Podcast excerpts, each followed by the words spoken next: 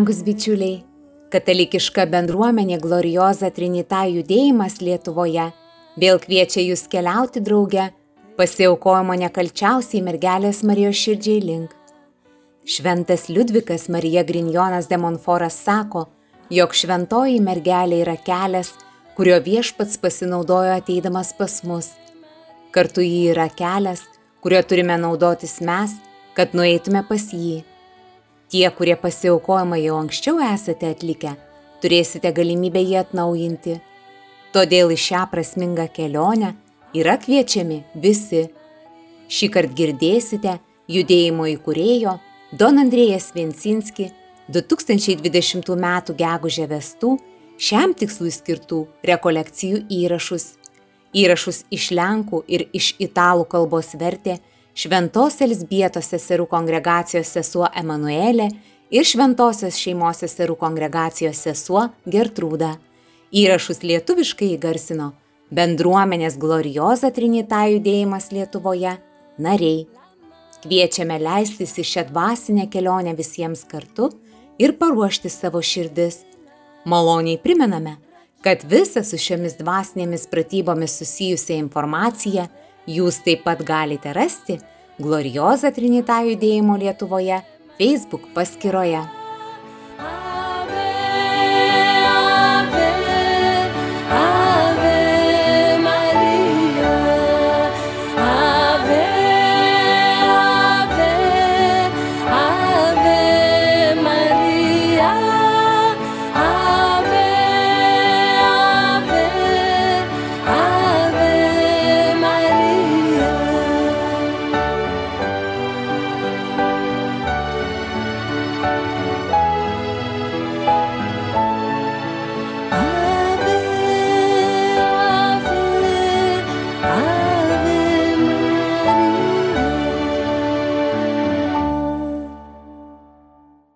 Nel nome del Padre, del Figlio e dello Spirito Santo. Vardan Dievo, Tėvo ir Sūnaus ir Šventosios Dvasios Amen. Mylimieji Kristuje, nuoširdžiai sveikinu Jūs mūsų rekolekcijose su Marija iš žvaigždės. Šios dienos tema bus apmąstymas, visam laikui atsižadu nuodėmės, šėtono ir visų jo darbų. Tai labai svarbu padaryti prieš atliekant pasiaukojimą nekalčiausiosios Marijos širdžiai. Šiandien kalbėsime, kaip turime atpažinti nuodėmę, jos atsižadėti, kad galėtume atgauti Dievo vaikų laisvę, Dievo vaikų orumą, kurį gavome Krikšto sakramento metu. Tai yra aukščiausiasis orumo laipsnis, kurį mes turime. Tai ne tas pats, kad tu esi savo tėvo, mamos vaikas, kad baigiai kažkokį universitetą, kad užimi kažkokias svarbias pareigas, kad esi svarbus žmogus. Svarbiausia, kad tu esi Dievo vaikas. Dabar kvieskime šventąją dvasę ir klausykime Dievo žodžio. Vieni,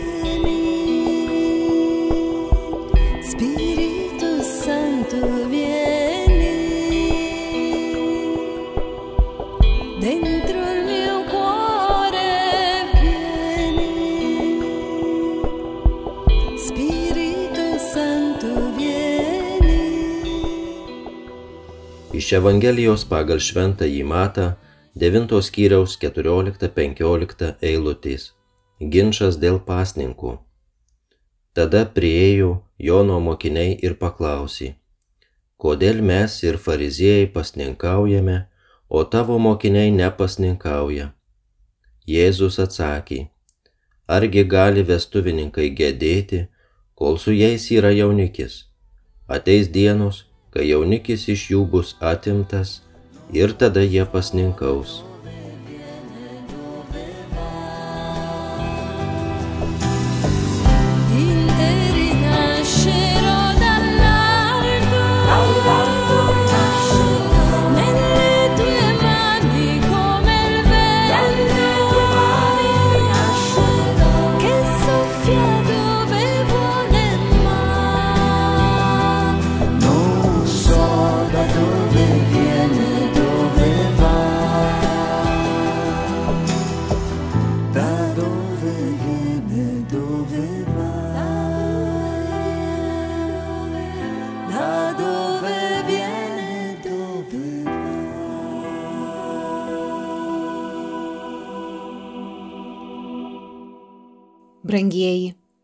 Kai švesdami krikštą ar atnaujindami krikšto pažadus išpažįstame, atsižadu nuodėmės, šėtono ir visų jo darbų, mes neatliekame vien tik formalaus veiksmo, kartodami sutartinės formulės, bet pradedame tikrą, visą gyvenimą apimantį atsivertimo kelią.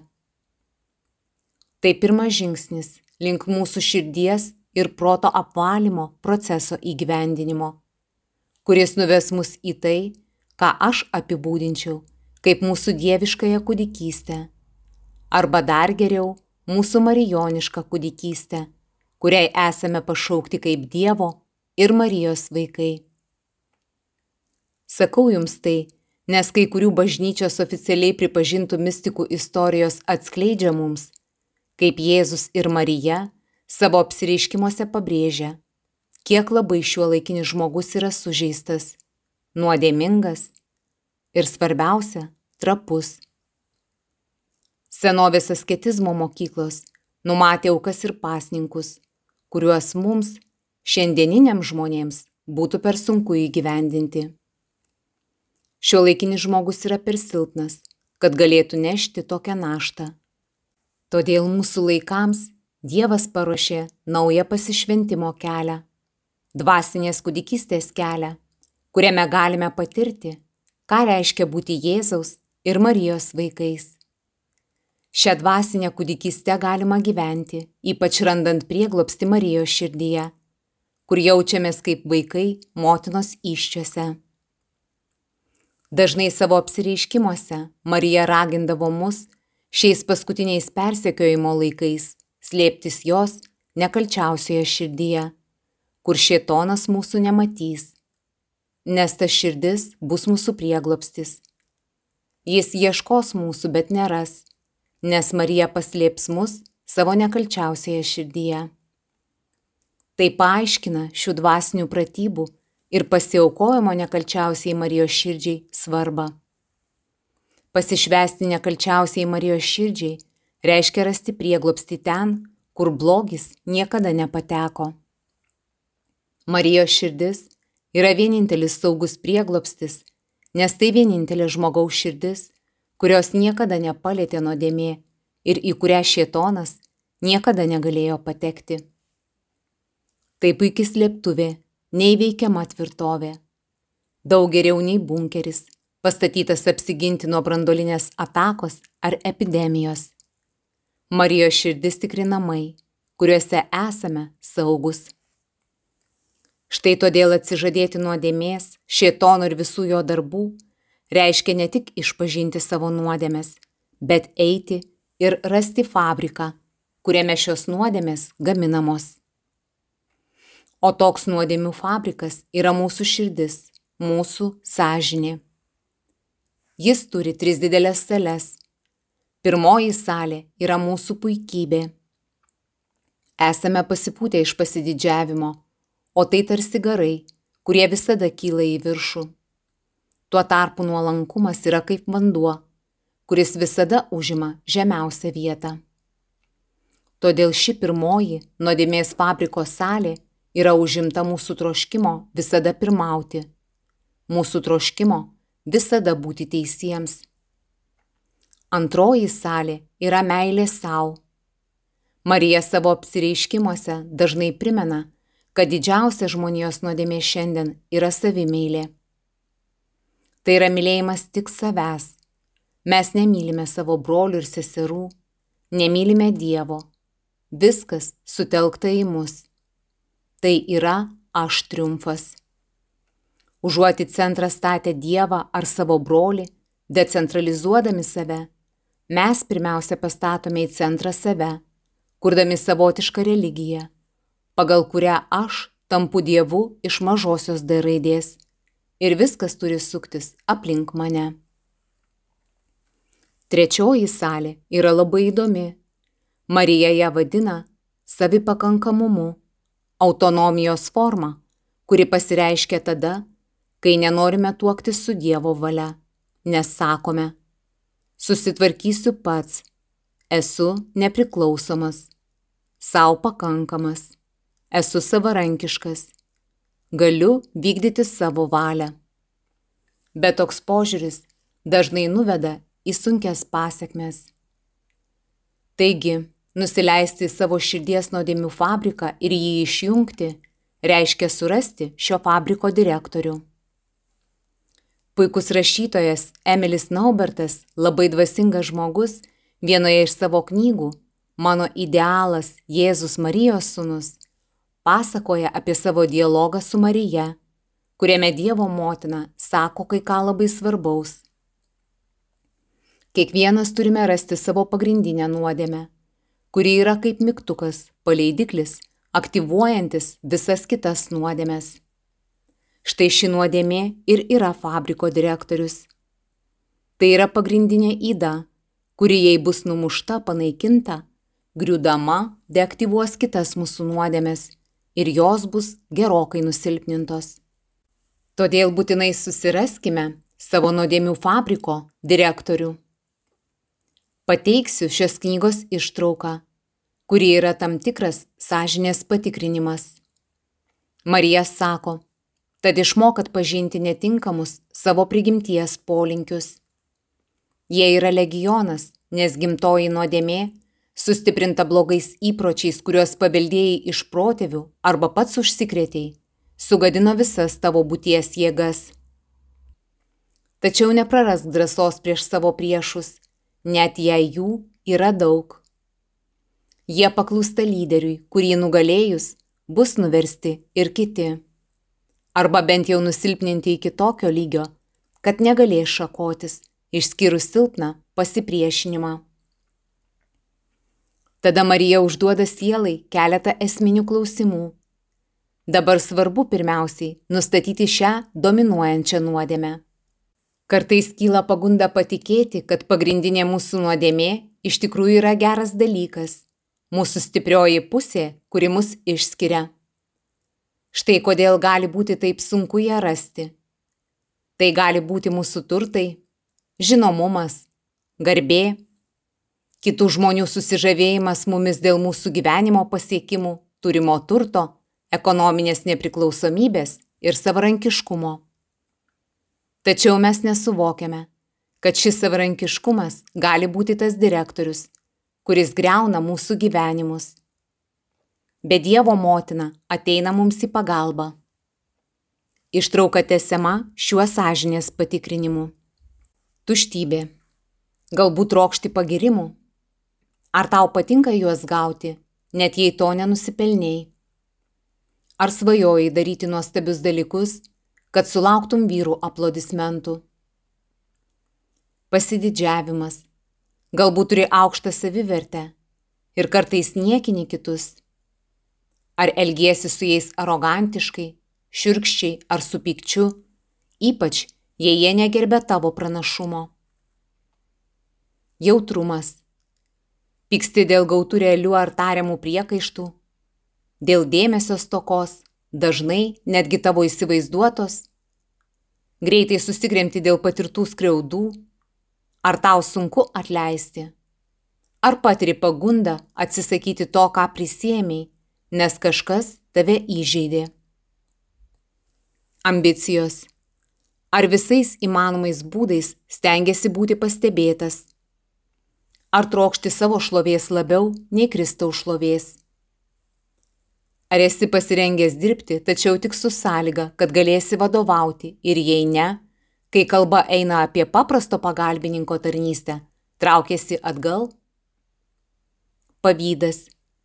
Negali pakesti, kad kiti atrodo geriau nei tu, arba džiaugiesi, kai matai juos pažemintus? Nenuoseklumas.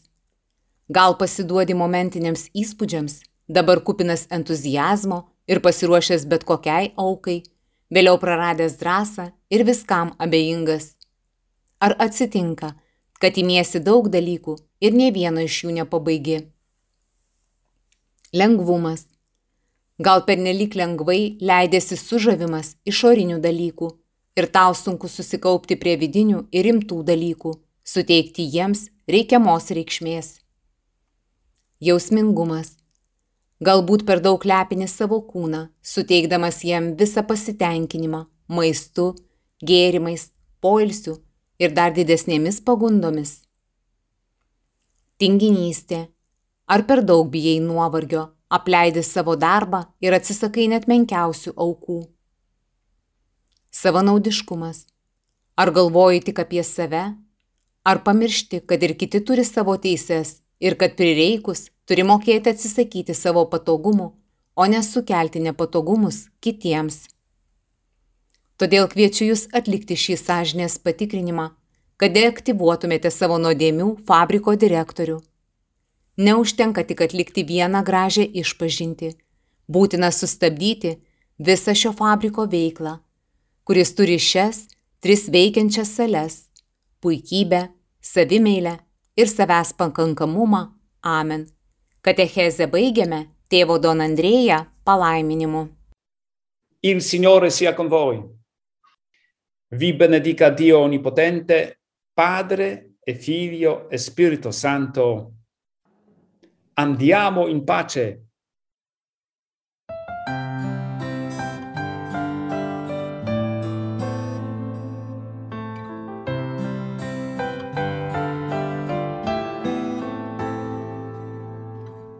Quanto aspettato questo momento. Šlovė viešpačių mylimas Marijos radio klausytojo. Esu Suvalkijoje gyvenantis dalius. Man 54 metai ir aš tikiu ir pasitikiu tik mūsų viešpačių Jėzumi Kristumi. Kaip ir kiekvienas ar vienas iš daugelio krikščionių, esu dovanai gavęs mūsų viešpaties Jėzaus Kristaus patepimą. O krikšto prasmės suvokimas palėtė mane gyvenime per veikimą ir išgyvenimus. Vaikystėje nemažai laiko praleisdavau pas senelius, kurių tikėjimo dvasia ir maldos praktikos man davė pirmą pažintį. Jie išmokino pagrindinės maldas. Tačiau tikroji maldų prasme man dar buvo nesuvokiama.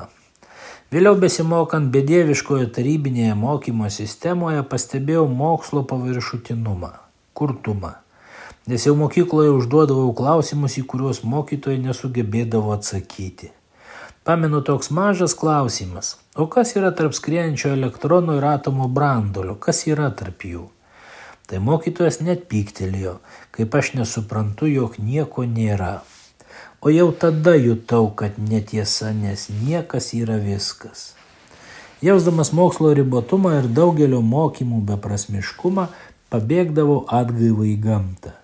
Labai buvo įdomu pačiam pažinti ją ir suprantu, kad Dievas leido per gamtą suvokti tvarkas, dėsnius, ritmus ir pastebėti atitikmenis. Laikas praleistas gamtoje rytais ir vakarais įvairiais metų laikais, stengiantis pažinti Dievo sukurtus gyvos ir negyvos gamtos grožius, ypač augalus ir gyvūnus, atskleidė dieviškos kūrybos buvimą, sukurtos įvairios materijos egzistavimą, kurios pačiame viršuje buvau aš.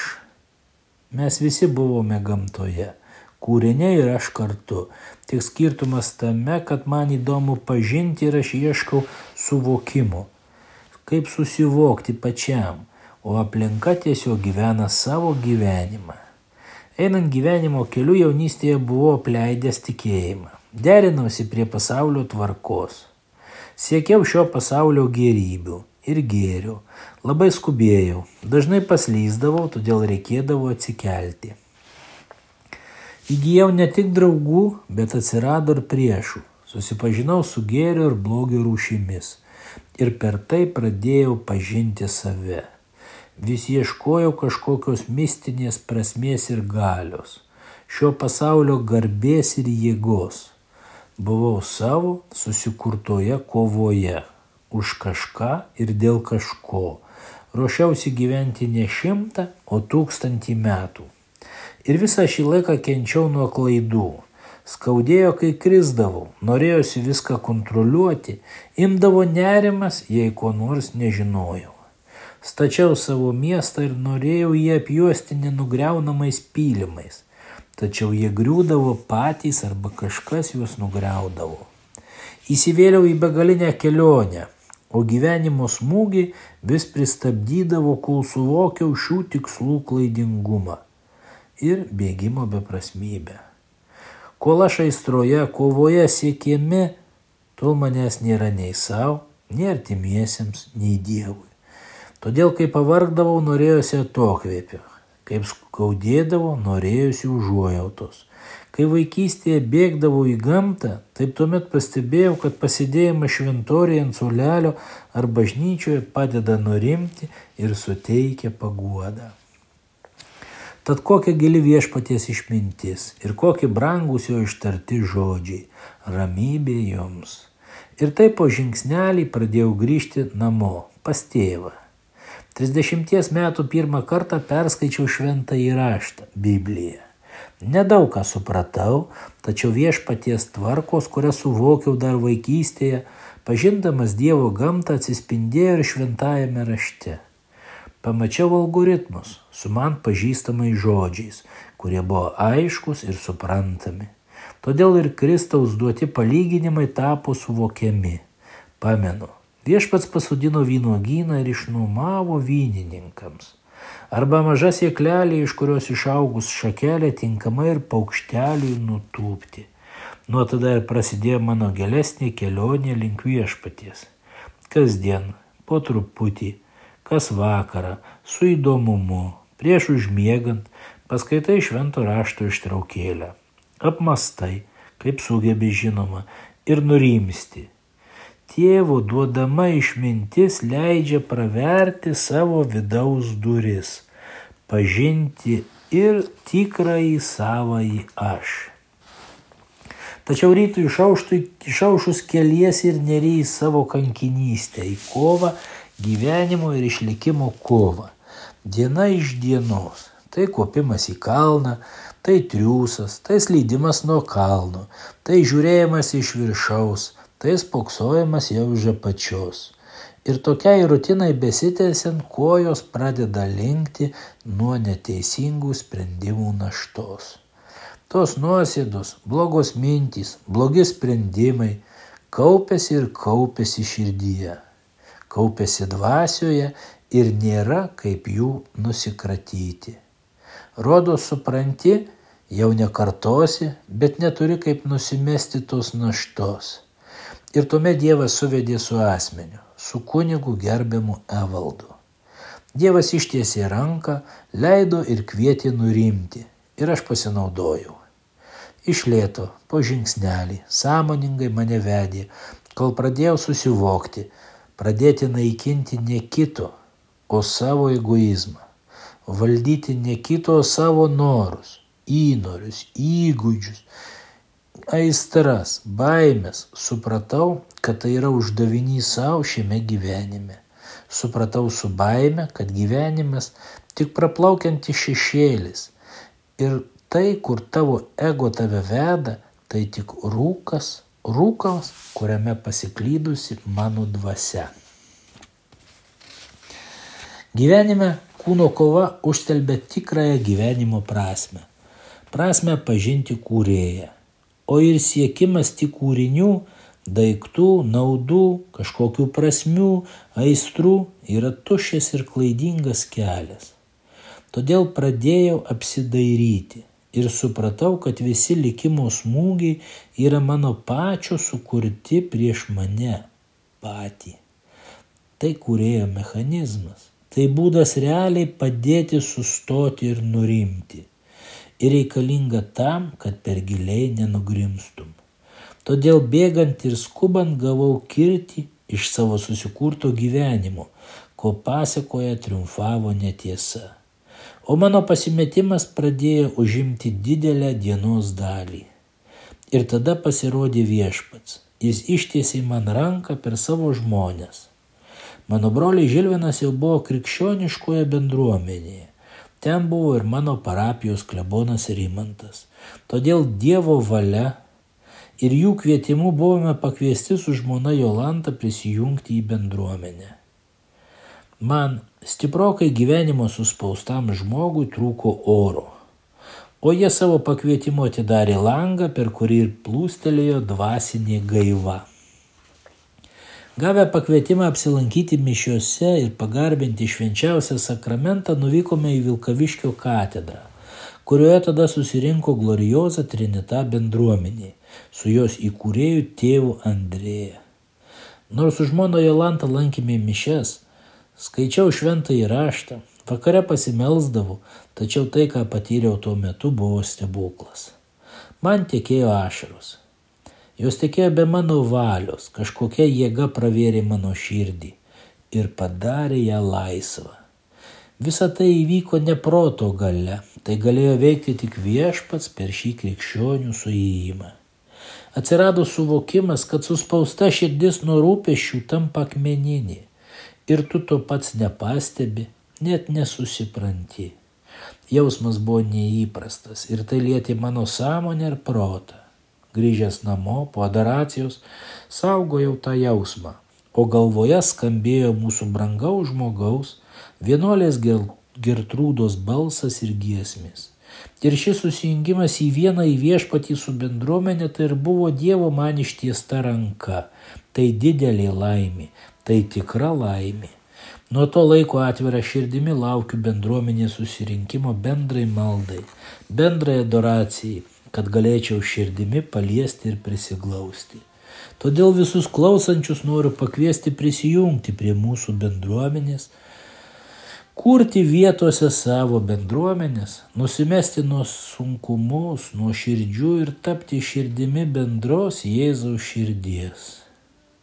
Baigdamas liūdimą dėkoju visiems susirenkantiems bendrai maldai kunigams, vienuolėms, bendratikiams ir visiems, kurie mus supranta ir žinoma viešpačiui, kurio paskirtas ir mus mylintis tėvas Andrė savo dvasios jėga mūsų stiprina ir palaiko. Šlovė viešpačiui.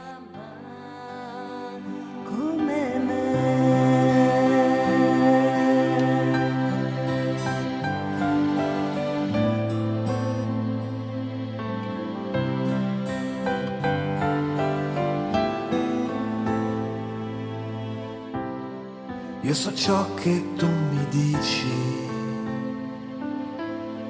anche se a volte non mi parli. Io so bene ciò che senti,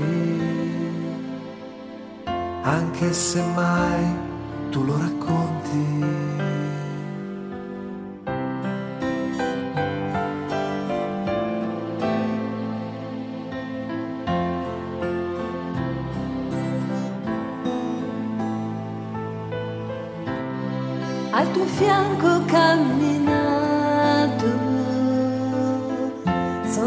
Stato il tuo migliore amico. Nessuno ti ama come me, nessuno ti ama come me. Guarda la croce, è la mia più grande prova. Nessuno ti ama come me, ci ama come me, nessuno ti ama come me. Guarda la croce, è per te perché ti amo. Nessuno ti ama.